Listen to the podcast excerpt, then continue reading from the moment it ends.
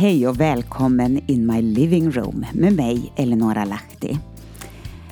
Du, det händer ju ganska många förändringar runt om hela tiden. Och ibland är det de här små förskjutningarna som man känner av och märker.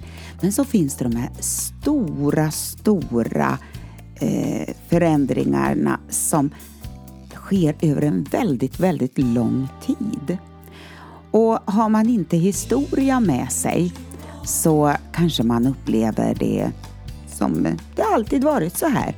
Och man ser inte den här förskjutningen, lilla, lilla gradförskjutningen som gör att man hamnar någon helt annanstans än vad det var tänkt. Idag eh, tänker jag dela lite historia med dig och lite reflektioner och funderingar var vi är någonstans idag.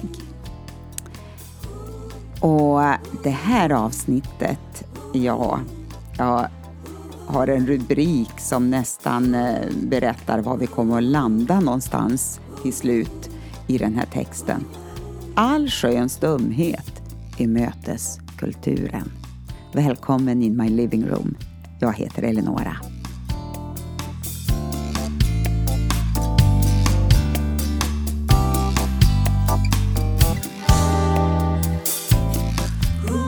Jag läser ett och annat och försöker förstå det som är grunden till vår tro.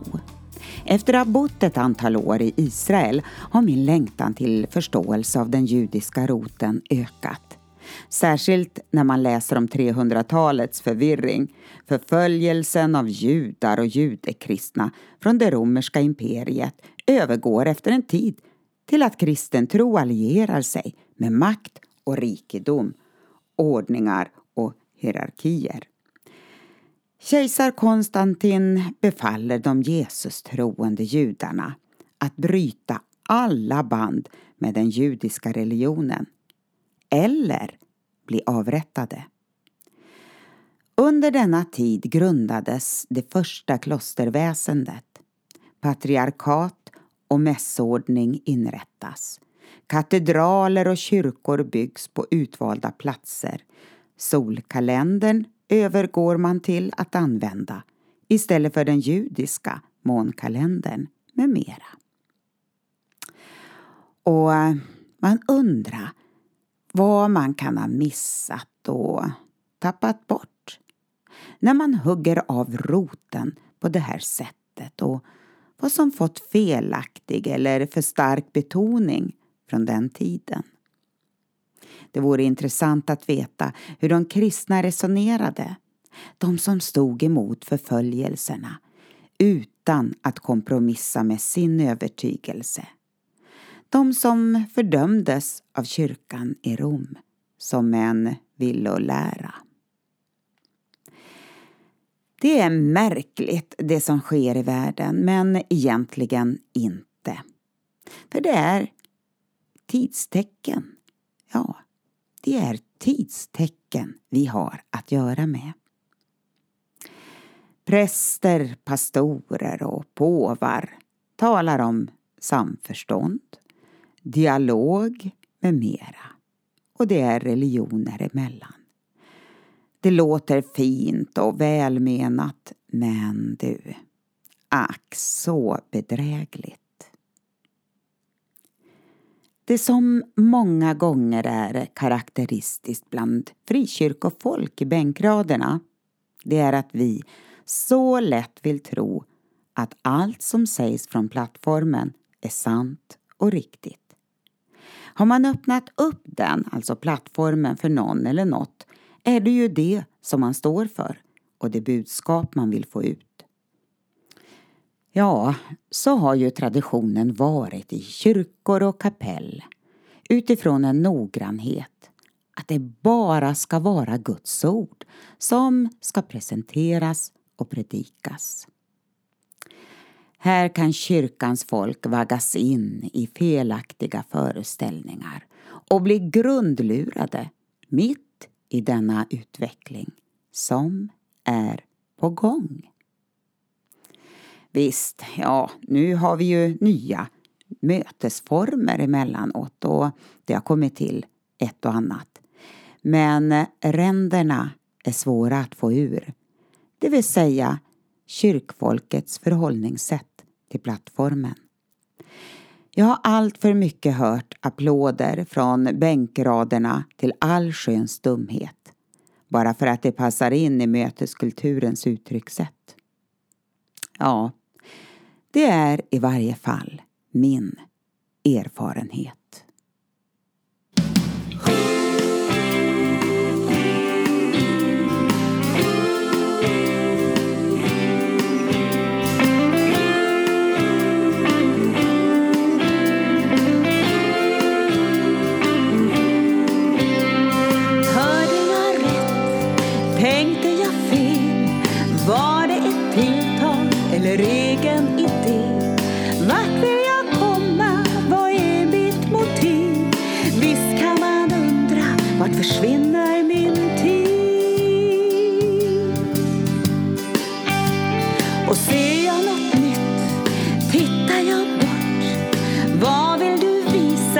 Ibland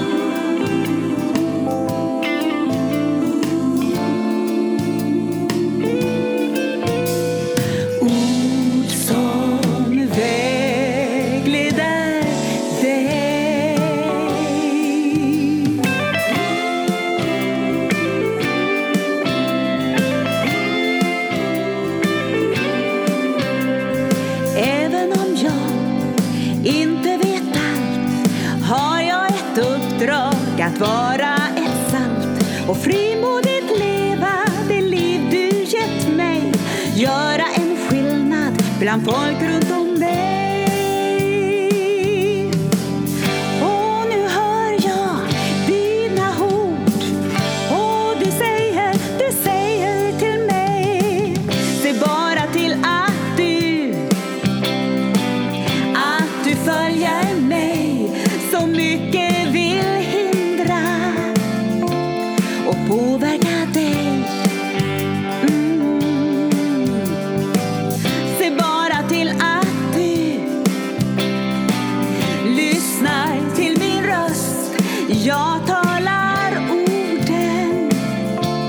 som vägleder dig.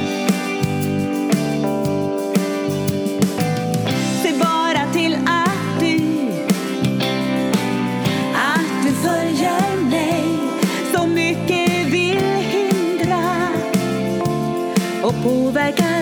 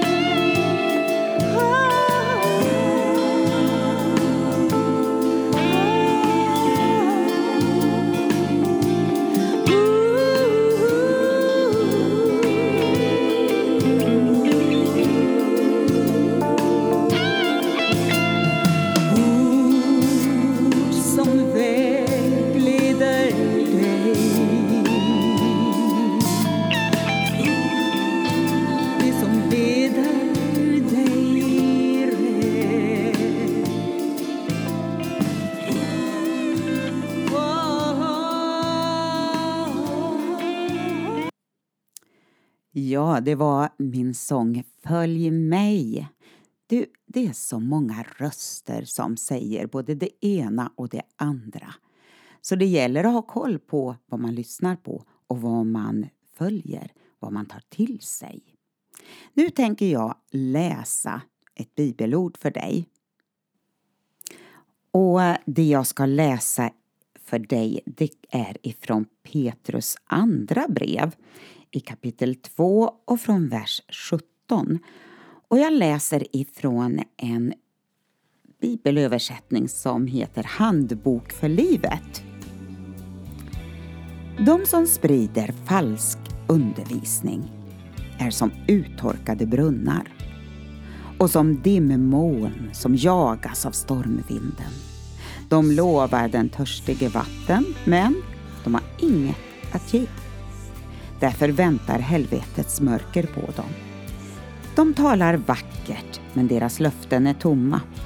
Genom att locka med ett vilt och omoraliskt liv där människor får följa sina onda begär lurar de till sig nya troende som just har lämnat ett liv i synden. De lovar människor frihet, men de är själva slavar under synden som gör att det de går evigt förlorade. En människa är ju slav under det som behärskar henne. Om de som har flytt från den här världens omoral genom att lära känna Herren Jesus Kristus, vår räddare, än en gång blir infångade och slavar under synden, ja, då är deras situation värre än förut. Ja, det hade varit bättre för dem att aldrig få reda på rätta sättet att leva än att först lära känna Guds vilja och sen vända ryggen åt allt som han har befallt dem. Det har gått med dem, precis som det står i det gamla ordspråket. Hunden vänder åter till sina spyor och ett tvättat svin vältrar sig i smutsen igen. Ja, du, det är ganska tuffa ord det här. Ganska utmanande versar som jag läste för dig. Men eh, det här är ju att i Jesus kan vi finna frihet. Men vänder vi tillbaka till vår gamla syndiga natur, ja, då säger Bibeln, då blir det ju än värre. För du vet vad som egentligen gäller. Men eh, du, nu lyfter vi, nu vänder vi på det och säger vilken fantastisk frihet Gud har lovat oss i Jesus Kristus. En frihet som inte leder oss till fångenskap och till det här destruktiva mörkret utan någonting som leder till liv, glädje, frihet.